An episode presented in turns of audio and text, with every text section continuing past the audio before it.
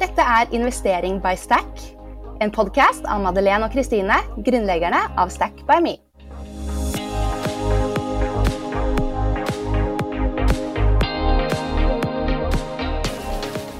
Hallo, da var det endelig tid for mer pengesnakk og investeringsprat.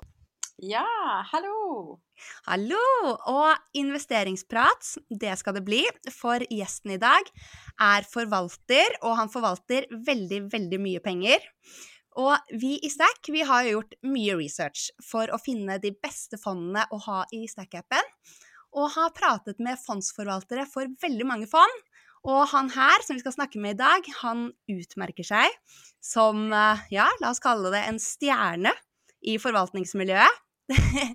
Det er Eivind Aukrust fra DNB Asset Management, og han leder indeksforvaltningen der, som er det største og mest populære fondet i DNB, og også på topplisten i Stack-appen. Han eh, gjorde lynkarriere i oljefondet før det også, eh, før han da gikk til DNB. Så han her er ganske rå. Velkommen hit, Eivind. Tusen takk for det, Kristine. Det var jo en uh, altfor smigrende og snill innledning. Men uh, veldig hyggelig å være her med dere. Herlig. Men uh, nei, jeg vet ikke helt det. Altså, fortell uh, gjerne med egne ord, da. Hvem er du, og litt om deg selv?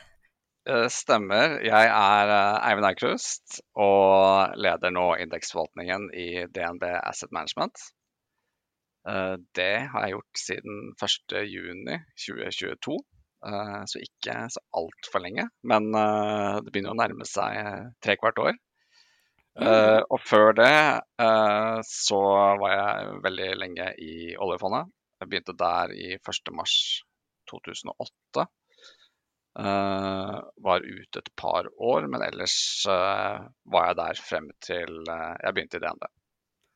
Ikke sant? Du var der så lenge, ja. Kult. Men uh, ja, da, du har jo kjempelang erfaring. Uh, hvor, uh, hvor gammel er du, og har du sånn På privaten? ja, jeg begynner å bli ganske gammel. så jeg fylte 40 i fjor. Ikke sant? Nei, 40 er det 39, det er ikke gammelt, Eivind. Nei. ok, greit. Ja, jeg, jeg, satser på det, altså. Jeg hadde gjettet og... også yngre på deg. Nei, det er jo veldig, veldig kult å ha så mye erfaring. Det merker man når man jobber. Men uh, det er ikke kult å være en gammel 40-åring. Uh, eh, så det er, det er foreløpig med det der. ikke sant. Nei, ja, men herregud, du har den erfaringen. Men uh, har du bare ja. jobbet der? Har du noen eh, hobbyer og Ja? Bor du i Oslo, eller du, jobber du remote? Hvordan? Nei, jeg jobber ikke så mye remote, for så vidt. Jeg bor uh, på Jar, hvis dere vet hvor det er. Uh, rett ja, jeg bor Oslo. rett i nærheten. Å oh, ja. Hvor bor du da? På Stabekk. Oi, wow. Ja, det er jo virkelig nærme hverandre. Da ses vi på Kiwi. så så nei, jeg bor der. Uh, jobber da i Bjørvika. Uh, og uh, privat så har jeg to, to, sønner på fem og syv år som jeg prøver å, å være så mye sammen med som mulig på fritiden. og jeg elsker å gå på ski og stå på ski. Og så prøver jeg å bli litt bedre i golf, uten så stor suksess på den fronten. Uh, og, og, og sånn går nå dagene, liksom. Ikke sant. Herlig. Gå, veldig fint å høre det. At man, at man ja, kan kombinere denne toppjobben din med familie og Det er godt å høre. ja, ja det, det, det, lar seg veldig fint kombinere. Virkelig. Ikke sant. Men fortell hva du jobber med, da. Vil du beskrive det litt, som fondsforvalter? Ja, eh, så jeg driver jo med indeksforvaltning i DNB. Uh, og det er egentlig å forvalte alle indeksfondene våre. Uh, som er Ja, jeg tror det er tolv stykker, ja. Uh, totalt er assets, assets, under management på 102 milliarder i dag, faktisk. Å, gått, herregud! Seriøst? det, det, har gått um, veldig opp. Uh, for det første er det stor etterspørsel etter indeksfond, så vi har uh, nett innflyt hver måned. Uh, og så har markedet gått opp uh, nesten 10% i januar dette året. Så da, så, da, blir det mye penger. Det gjør det. Mm. Det er veldig gøy. Utrolig kult. Men vil du for ja, så Det er da tolv indeksfond vi har, uh, hvorav det desidert største og mest populære er DNB global indeks. Uh, så over halvparten av det vi forvalter, er i det fondet. Og det fondet er et uh, globalt indeksfond som følger MSCI World. Ikke sant.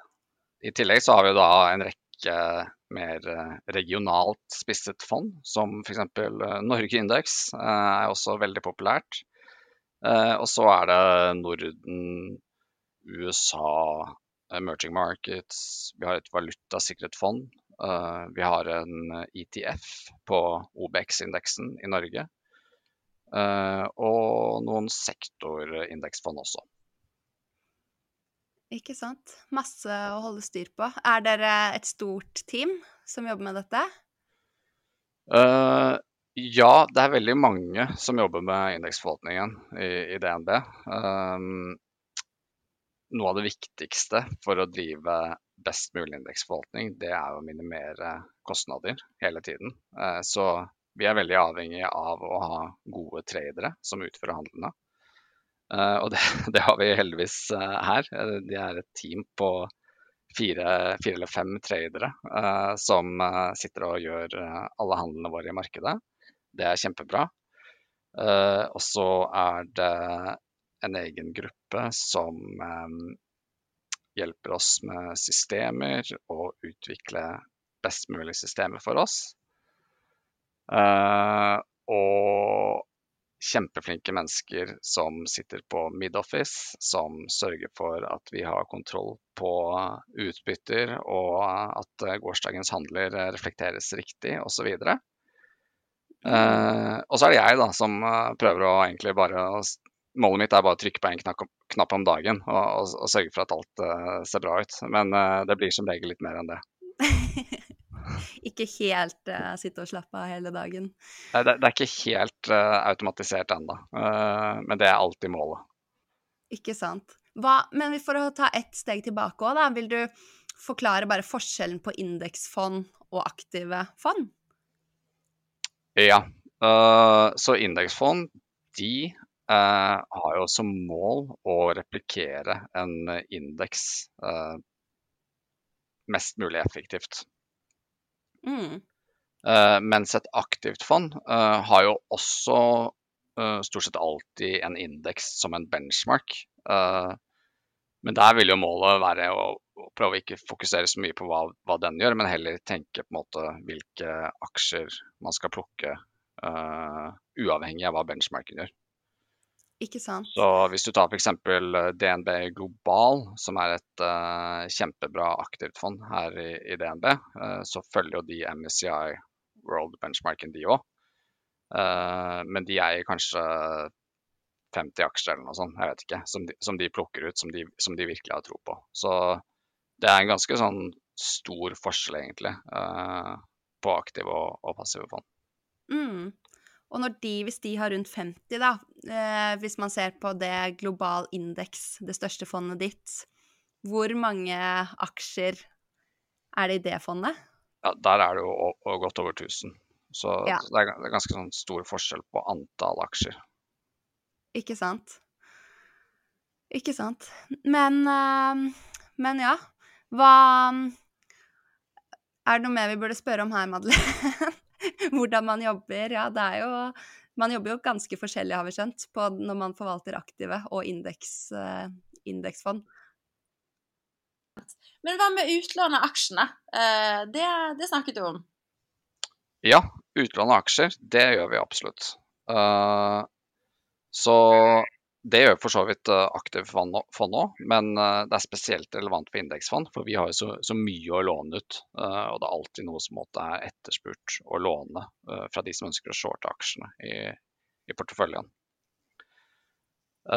så i Norge så er det faktisk ganske signifikante inntekter eh, vi får på det indeksfondet. I fjor tror jeg det var ti basispunkter eh, i meravkastning fra utlån på aksjer.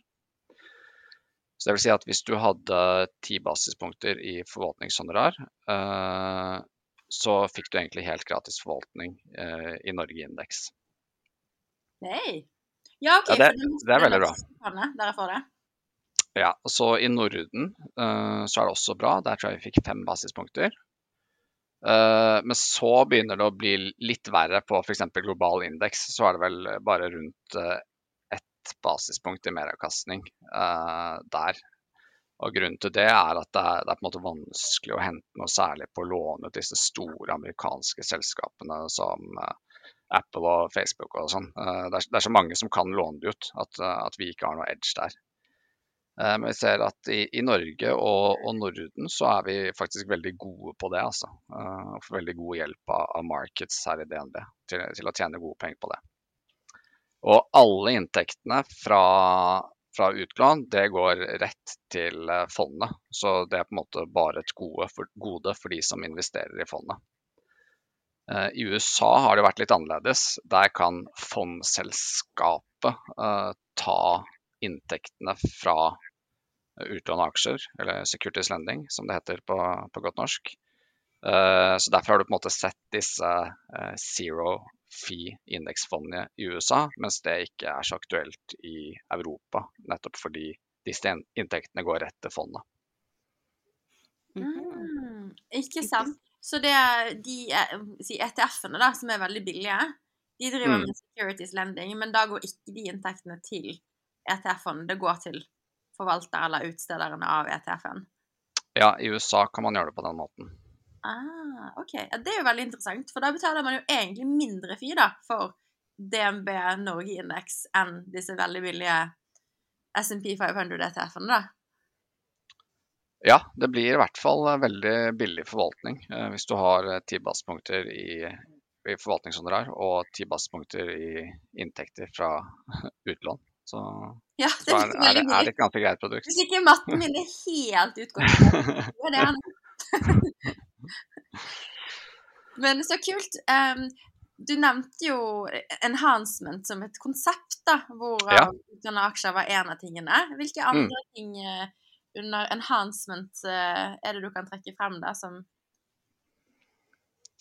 Det er uh, dette med enhanced index. Det er jo at man prøver å ta alle fordelene til eh, et indeksfond og gjøre de enda sterkere. Eh, samtidig som man eh, minimerer ulempene. Eh, og et godt eksempel på en sånn strategi er jo rundt indeksrebalanseringer. Hvordan man implementerer de i porteføljen. Der kan man gjøre det helt, helt passivt på, på den dagen det skjer, eller så kan man være mer opportunistisk og handle litt rundt. Uh, eller så kan man være kjempeopportunistisk og være lang tid forut. Uh, så i NBIM f.eks., uh, som er så store, uh, har man erfart da, at man kan tjene ganske mye penger på å være aggressiv på sånne enhancement-strategier. En, eh, en annen eh, viktig del kan være f.eks. Uh, børsnotering av nye selskaper. Så kan man eh, være med i selve IPO-transaksjonen istedenfor å vente til eh, benchmarken måte, tar den inn, som kan være alt fra to dager til to måneder til to år e- etter noteringen, eh, avhengig av størrelse og likviditet på selskapet. Eh, og så er det det her med, med corporate actions, eller selskapshendelser, uh, som er en veldig stor del av indeks, uh, en indeksforvalters hverdag. Når man har ja, over mange porteføljer, flere tusen aksjer å passe, på, så, passe på, så er det jo noe som skjer der hver eneste dag. Og typisk det enkleste og kjedeligste er jo dividender, og følge opp at, at det blir på en måte booket riktig i systemene. Eh, men veldig ofte så er det noe opsjonalitet knyttet til disse selskapshendelsene.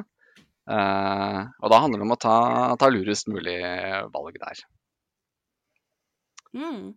Uh, til slutt så kan det være en mer sånn perifer, litt mer perifer strategi, men ofte, uh, ofte verdt å tenke på denne er dette, er dette med rela relative value-posisjonering. eh, hvor du på en måte kan handle eh, Det er flere papirer listet i samme selskap f.eks. Så da kan man jo vurdere å kjøpe den billigste istedenfor dyreste, hvis man uansett skal kjøpe eh, aksjer i selskapet den dagen. Ikke sant. Og du nevner jo NBIM, eh, oljefondet. Mm. Kan du ikke fortelle litt eh, hva du gjorde der, da? og Hvordan de ser på indeks, og hvorfor du endte opp eh, med indeks i DNB? Ja. Eh, ja, det er et godt spørsmål, egentlig. Jeg, jeg begynte jo egentlig som trader i oljefondet i 2008. Uh, som var en uh, veldig interessant timing å starte karrieren i finans på. Uh, for det var egentlig da alt gikk rett til helvete, eh, nesten med en gang. Eh, Rett inn og bare Oi, dette var litt av en bransje. Så de første årene jobbet jeg som, eh, som trader i, i NBIM. Eh, da husker jeg da den, eh, den høsten 2008. eh, så satt jeg på jobb og hadde Jeg tror jeg hadde opp mot makspuls hele dagen. for det var så mye som skjedde og store svingninger. Men jeg hadde ikke vært med på noe annet, så jeg tenkte at dette var dette var normalt. Det var sånn det var å, å jobbe, jobbe som trader i finansmarkedene. Og jeg, jeg husker en dag så måtte jeg sende en skriftlig rapport til Yngve Slyngstad om alle handlene jeg hadde, jeg hadde gjort i et selskap den dagen. Uh, og igjen, jeg tenkte at dette var business as usual, uh, men det, det ble med den ene gangen. Det skjedde aldri igjen. Det var utrolig, utrolig spesiell situasjon, spesiell tidspunkt å starte på, men, men veldig morsomt i etterkant. Det var vel ganske store summer også, var det ikke? I oljefondet? Ja, det var, eh, det var svimlende summer, ja.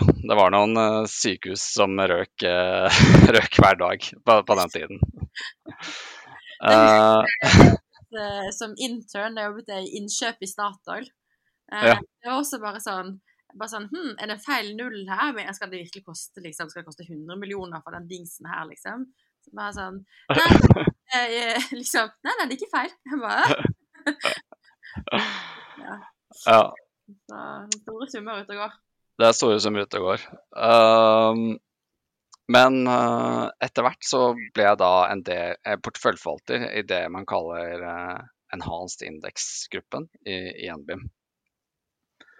Og det, det du er inne på der, er jo at uh, i NBIM så er det å drive med indeksing er kjempekult. Det var jo sånn jeg ble involvert i det. fordi oppgaven til en indeksforvalter der er å skape meravkastning i forhold til benchmarken. Eh, så det er en, en veldig, veldig kul jobb å, å ha der. Eh, og eh, NBIM og Finansdepartementet eh, er jo kjempepositiv til, eh, til aktiv forvaltning, helt klart. Det har de jo alltid vært eh, utrolig klare på. Eh, og de er jo utrolig flinke til det, for de tjener jo penger uh, søren meg hvert år i forhold til uh, referanseindeksen deres. Men allikevel så har de jo 80 av fondene i, i mer sånn indeksrelaterte porteføljer, nettopp fordi de er så store at, at det ikke er mulig å putte det noen andre steder uten å, uten å søle bort uh, altfor mye på transaksjonskostnader. Ja, ikke sant. Ja, for det er så mye, så de må Ja, så da blir på en måte indeks en fin måte å få plassert de pengene da, ut i markedet? Ja, det gjør det. Det er jo Indeks er jo kjempebillig fordi um, Sånn som dere ser det, så er det jo fordi det er uh, billig forvaltningshonorar. Mm. Uh, mens for en institusjonell ins- investor så er det på en måte vel så viktig at uh, ja, den indeksporteføljen vil alltid være den billigste å handle i markedet. Mm. Eh, hvis du på en måte fraviker fra denne friflyttjusterte market cap-vektingen av selskaper, så ender du som regel opp med en portefølje som er litt mindre likvid og litt, eh, litt seigere å handle på en måte.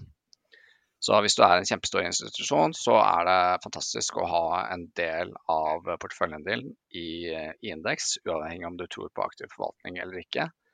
Nettopp fordi du da er så fleksibel på å ta penger eh, ut og inn eh, kjempefort, og da gjøre det veldig billig. Ikke sant. Og til eh, sammenligning, da, nå sitter du på sånn 100 milliarder. Ja. Hva, hvor stort er oljefondet, da? Eh, ja, det er vanskelig å følge med på. Det har blitt veldig stort i løpet av fjoråret, tror jeg. Uh, er ikke det sånn 13, 13 milliarder eller noe sånt? Nei, 13 trilliarder. Jeg er ikke Ja, det, det svinger jo sikkert eh, masse, holdt jeg på å si, eller Ja, jeg hva jeg skulle si. Jeg, jeg ser et tall her på nettsiden, men jeg er usikker på hvordan du uttaler det. Men 13 trilliarder, 13,6 trilliarder kan være riktig. Herregud. Ja, det, det er bare å eh, gå inn der og se det tallet bevege seg opp og ned for, eh, hvis man kjeder seg en dag. Det er, ja, det er store summer. Ja, fy søren. Jeg så, ja, det var vel her om dagen så kom det en sånn liste på delt opp per nordmann, da, de 20 største eh, Eller egentlig kanskje ikke de 20 største, jeg vet ikke. Det var listet i hvert fall 20 aksjer da, som man eide ganske mye per nordmann, og det var veldig kult å se. Så Ja. selv for folk som uh, tenker at man ikke er i gang med å investere, så blir det jo faktisk investert ganske mye for oss. Det gjør det absolutt. Det gjør det absolutt. Så ja, nei, det er kult. Men hva med Det samme med eh, Altså, oljefondet er jo pensjonsfond utland, men ser dere Har dere mange kunder, pensjonskunder, i fondet ditt, eh, eller i fondene, indeksfondene eh, i DNB? Ja, veldig. Så de er en veldig typisk kunde av, av våre produkter. Forskjellige pensjonskasser i, i Norge. Så det er veldig gøy å, å møte mange av de. Det er jo kjempesmarte mennesker som sitter der ute i forskjellige miljøer uh, i Norge. mm, Ikke sant? Så Ah, så- de har investert både gjennom oljefondet og fort gjennom pensjonen sin, da. Ja. Ikke sant? Ja, det er så bra at det er så mange flinke folk som sitter og passer på alt dette her. Men, eh, men OK, hva med, hva med private, Eivind? Eh, får du investert noe for deg selv også? Eller investerer du i ditt eget fond, eller eh, kan du Ja. Det er jo Jeg har funnet ut det, at det er det enkleste hvis man jobber eh, som forvalter. Eh, så er det veldig greit å investere i fond, for da unngår du på en måte alle mulige komplikasjoner med at du handler eh, mot deg selv osv. Så, videre. så Mm. Så det er min eh, foretrukne spareform, ja. Eh, aksjefond. Ja, ikke sant. Og vi, vi i Stack vi går jo ofte litt høyt ut og sier at Eller ikke bare vi, da. Det er jo mange som sier det at global indeks er veldig fint å begynne med hvis man er nybegynner. Så er du liksom Er du enig i det?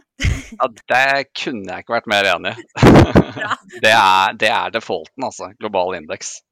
Ikke sant? Det er eh, Ja. Men så, så er det jo masse annet man kan eh, investere i òg, som er, er kjempebra. Altså. Men eh, min, eh, min go-to er eh, global indeks. Eh, jeg tenker De pengene jeg klarer å spare, vil jeg på en måte bare ha mest mulig effektivt eksponert mot eh, den verdistigningen eh, vi har i verden, og som vi alltid kommer til å fortsette å ha i verden. Og da er det på en måte en veldig effektiv måte å få eksponering mot det, og du vet at du ikke gjør noe feil, i hvert fall. Mm. Det er, Men ja. hva med de andre indeksfondene, Norge og Norden og sånn, da? Har du litt penger i de òg, eller? Uh, nei, det har jeg faktisk ikke. Uh, men det er litt øh, Er litt tilfeldig, egentlig. Det er jo kjempe, kjempefine produkter, det òg. Skulle jo heller hatt Alltid Norge-indeks i fjor, f.eks. Uh, da gikk jo Norge utrolig mye bedre. Uh, mens i år har det vært motsatt hittil. Er Norge nesten flatt, mens, uh, mens global indeks er snart opp 10% på året. Mm. Så jeg syns global indeks er bare et kjempefint produkt for, for oss som, som, sparer. Det er jo helt Ja. topp. Det er For nybegynnere så er det jo keep it simple, stupid som gjelder. Ja, det er det. Du ble, jo, du ble jo quotet litt i DN, eh, Madeleine, med at uh, vi fikk den at indeksfond er kjedelig, ble overskriften. Ja, og jeg så faktisk at uh, Nikolai i oljefondet, uh, Tangen, og så hadde jeg kommentert det på en LinkedIn-post at indeksfond er ikke kjedelig. Ja, det var ikke akkurat det. Det, Ja, men akkurat det er det stort altså, heller. hvis du, hvis du eh, blir liksom eh, nærmest sitert av han. Ja, jeg syns det Jeg, Ja. Jeg fikk, eh, jeg fikk satt mine spor i finansbransjen med den artikkelen. Men det var vel ikke helt indeksfond som egentlig var fokuset. Det var vel mer det at det kan også være gøy med å krydre med litt aktive fond. Ja, altså poenget mitt eh, var vel litt det at eh, indeksfond er jo superenkelt, og det finnes superenkle apper for å investere allerede i dag, men du får fortsatt ikke med mer enn eh, 40% av kvinnene og 60% av mennene. Eh, og så selvfølgelig er det jo noen som ikke har penger til overs, men ikke halvparten av Norges befolkning. Så eh, vi, vår filosofi i Stack er jo at vi skal gjøre det litt mer sånn gøy og interessant og kult. Eh, så som du også sier, eh, Eivind, og som min nye favorittbok, The Intelligent Fund Investor, sier, så er det mange grunner til å investere også i aktive fond. Så for å på en måte motivere de som kanskje på en måte ja, trenger litt mer fart og spenning, eh, så er det jo på en måte et poeng å også fortelle de som ikke har investert noe før, om teknologi og Mm. om fornybar, de som kanskje brenner litt for bærekraft. At det er lettere å motivere de til å komme i gang, da, hvis de kan investere i et rent bærekraftsfond heller enn en, en indeks. Fordi det gir kanskje noe litt mer da, eh, enn bare avkastning. Eh, og det at man følger eh, og er effektiv. Jeg blir jo veldig motivert av å være effektiv, så jeg, jeg har jo mest i indeks. Og faktisk akkurat nå i likviditetsfond, som er dritkjedelig. Men eh, vi hadde jo på Pass begynnelsen på så du ikke får sånn DN-artikkel nå, Madeleine, sånn likviditetsfond er dritkjedelig. ja, Ja, det er faktisk enda kjedeligere enn indeksfond. Ja. faktisk. Men det er sånne husbyggingspenger som vi driver og bruker av. Men eh, på begynnelsen av Stekta så var det så veldig mange som sa å, skal dere lage investeringsapp, da må dere ha sånn simulator hvor man kan teste og investere. Og da la vi jo inn ti fond, siden vi bare skulle ha fond. Eh, og for å si det sånn, da, å ha liksom fantasyfond med bare fond er ikke så veldig spennende. Det var ikke de voldsomste svingningene. Nei, og så var det jo Dette var jo i, i høsten 2020. Eh, sånn at markedet tikket jo bare liksom jevnt og trutt opp. Det var sånn 1 opp hver dag omtrent. så folk eh, gadd liksom ikke. Så det er jo selvfølgelig det er jo mer sånn thrill og spenning ved å kjøpe fem lakseaksjer på Euronex Growth eh, i fantasyfond. Eh, ikke, ikke gjør det til vanlig, men i fantasyfond i hvert fall. Ja. Så, ja, det var liksom poenget, da. Men det, er- vi, vi er jo veldig tydelige på det at vi anbefaler indeksfond for de som ikke skal bry seg om investeringene sine. Ja, ja vi, gjør virkelig, vi gjør virkelig det. Det er så bra. Men hvordan Et uh, siste, eller i hvert fall et spørsmål til om hvordan dere jobber da, Eivind. Når, Mm. uh, når dere liksom plasserer penger, går dere sånn Putter dere jevnlig uh, penger inn i de forskjellige aksjene, på en måte, eller skjer det automatisk, eller er det bare store beløper, engangssummer, som dere kjører inn, eller? Eh, ja, det er eh, For indeksfond blir jo det her litt annerledes. Ja. Uh, så veldig mye av de handlene vi gjør, domineres jo av uh, dagens flyt i fondene. Så for kundene så har, er det jo kjempebra fleksibelt at man kan tegne frem til klokken tolv samme dag i fondene. Mm. Det betyr at vi ikke vet før ja, typ sånn fem over tolv hva vi egentlig skal gjøre i, i markedet den dagen. Uh, og da kan det komme kjempestore ting i, i indeksfond. Så som jeg nevnte tidligere, så er det jo veldig mye flyt. Uh, selv om i snitt uh, mye inn, så er det også ofte mye ut, fordi institusjoner bruker det som en sånn likvid del av porteføljen. Så flyt, det er bare kjøp og salg i fondet? Og da handler det for oss om å på en måte alltid implementere den flyten mest mulig effektivt. Eh, og om vi da skal kjøpe alle aksjene i indeks, eh, eller velge to av de som vi tenker eh, er mest optimalt for porteføljen, eh, så gjør vi det. Så det er, det er definitivt en stor del av jobben. Ja, så dere Eh, sitter hver dag og tar disse beslutningene på det, altså? Eh, ja, absolutt. Absolutt. Uh, og, og jeg prøver selvfølgelig å automatisere des, dette mest mulig. Uh, det er derfor det er de fleste indeksforvaltere har en del programmeringsbakgrunn. Men det blir en del, blir en del vurderinger. Mm. Og når det kommer til enkeltselskaper, så vil jo det gjerne være i forbindelse med indeksendringer at, at vi kanskje kjøper oss gradvis opp i noe som skal inn, og, og, og motsatt hvis noe skal ut. Da. Og, og prøver å bruke flyt, uh, flyten til det. Skjønner. Ikke sant. Men uh, OK, et privat.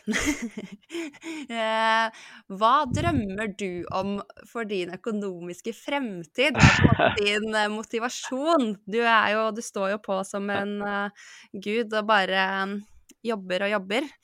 Hva, hva vil du privat? Ja, det er et godt spørsmål.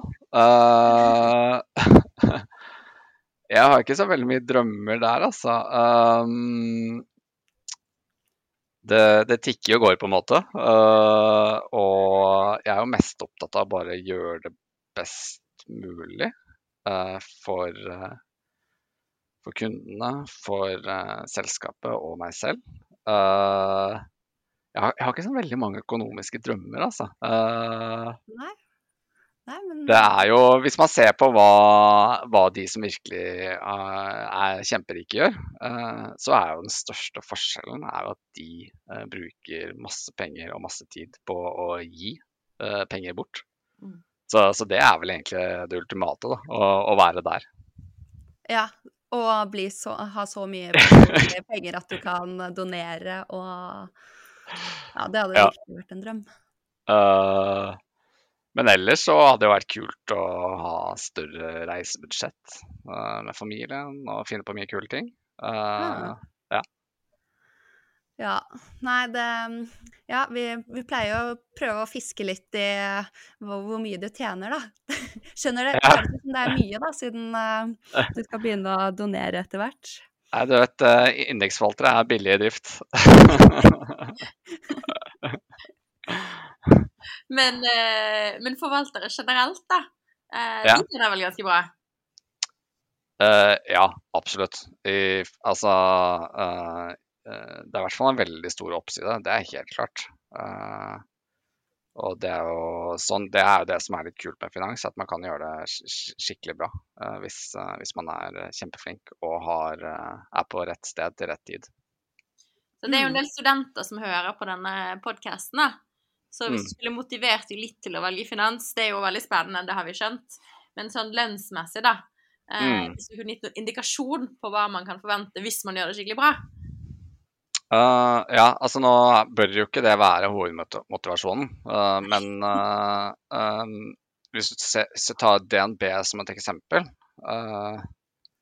de, de som tjener aller best i DNB, det er jo ikke Kjerstin Bråten eller meglere i Markets. Det er jo noen av de stjerneforvalterne uh, som, uh, som kanskje tjener aller, aller best. Så det kan jo være en gul gulrot for studenter. Det vil jeg jo si er en gulrot. Spesielt når man kan kombinere det med familie. Vi har jo også hatt flere podkaster med forvaltere, og det jevn, på det jevne så uh, sier alle at akkurat det å forvalte kan man på en måte Man kan lese rapporter, og man kan følge med litt hjemmefra, så det er mulig å kombinere med familie, da. Ja, det er det, det, er det absolutt. eh, mulig å kombinere med familie, ja. Så det er... det- Ja, og veldig kult at det også er litt sånn at gjør man det skikkelig bra, så får man igjen for det personlige også. Jeg hadde i hvert fall følt at det hadde vært en motivasjon. At man ikke er låst, men eh, man jobber for seg selv òg, da. Ja, ja nei, absolutt, altså. Uh, og, og sånn er det jo de fleste sånn uh, forvaltertype jobber, er, det jo alltid en sånn oppside. Mm. Kult. Men hva er din eh, beste investering da, Eivind? Sånn all time. Det trenger ikke å være DNB. Har du noe spesielt å trekke frem som har vært kult? Um, Ja, så på den beste investeringen er jo helt inn og bare investere i å bli litt bedre hver dag og lage gode prosesser og sånn. Uh, men det er jo fryktelig, fryktelig kjedelig svar. Uh, I NBM så må jeg nesten trekke frem Wirecard, hvor den var i porteføljen min, og vi solgte ut hele posisjonen før det imploderte. det var flaks. Eller? Ja, det, det var veldig flaks, for det var over 200 Eh, millioner euro, så over to milliarder kroner vi solgte. Og det gikk jo til null, så det er jo en, en del penger. Uh, det var ikke, var ikke min, uh, min, hjerne som sto bak, men uh, det var noe jeg som trykket på knappene og implementerte det. Det var, det var, veldig gøy, og det er jo definitivt den mest profitable enkeltinvesteringen jeg har vært med på i karrieren. Ja. når det gjelder pers ja, det var veldig, veldig bra. Så det var en sånn uh, legende som heter Morten Molde i, uh, som uh, var langt forut alle andre der og skjønte at det var en uh, total fraud. så det var veldig gøy. Kult. Gøy med litt sånn war stories. Ja, det er veldig, veldig gøy når det går bra. Hva med din dårligste, da? Hva er din dårligste investering? Nei, det har vært uh, mye, mye dårlige investeringer, altså. Uh, men ingen sånn skikkelig blow-ups. Uh, jeg tror det er nesten mer på det personlige. Altså når jeg har prøvd å investere i enkeltaksjer selv, så er det noen av de som har Jeg tror jeg kjøpte Borr Drilling med en gang det listet, og det er vel 90% ned fortsatt, eller noe sånt. ja, den er litt tøff. Ja. du var ikke i flyr, altså? Nei, heldigvis ikke. Den hadde kanskje vært verre. ja. ja. Og det jeg sier til alle som klager på markedet om dagen Jeg skjønner ikke hva de prater om, for mine, mine investeringer er masse opp. Um, men uh, da sier jeg bare Ja, det er sånn det går da når man investerer i Flyr og, og sånt. Ja, er man med på leken, må man tåle streken. Ja. Um, så nei, men det var jo veldig interessant og veldig kult. Og utrolig kult å bli bedre kjent med mannen bak indeksfondet. Det er jo veldig lett å tenke at de bare er en ISIN og en robot. Det, det har vært veldig hyggelig å snakke med begge dere, begge dere to. Veldig hyggelig å bli bedre kjent med dere. Og uh, vi heier definitivt på det dere gjør, og håper uh, det blir en skikkelig stor suksess. Tusen, tusen takk. Ja, takk! Og med det så passer det jo bra å runde av. Og dagens oppfordring til deg som lytter, det er som følger, veldig konkret i dag. Sjekk ut fondet til Eivind i Stack-appen. Eh, det finner du på den kategorien som heter indeksfond, som ligger sånn helt øverst til venstre i listen inne på Invester. Så ja, og vi har jo også andre indeksfond, så se deg litt rundt og se om du finner noe som kan passe for deg. Og eh, som dere skjønner, så er eh, det veldig flinke folk som sitter og forvalter disse fondene. Og som Eivind sa, og som vi også anbefaler på det sterkeste, er det jo lurt å bygge seg en god base med indeksfond. Så kan du eventuelt krydre porteføljen din litt med litt aktive fond etter hvert, og eventuelt aksjer også etter hvert. Så, så, det blir superbra. Og oppfordrer også alle til å følge podkasten, enten du hører på Spotify eller på Apple. Så får dere varsel hver gang det kommer ny episode, som er annenhver uke, da. Og ja, følg oss gjerne i sosiale medier også. Der får du masse tips hver dag. Så herlig. Tusen, tusen takk for nå. Ha det. Ha det. Ha det bra.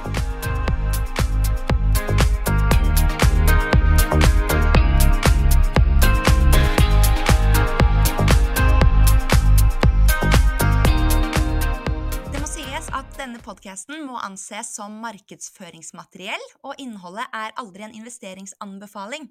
Podkasten er kun ment til inspirasjon og informasjon.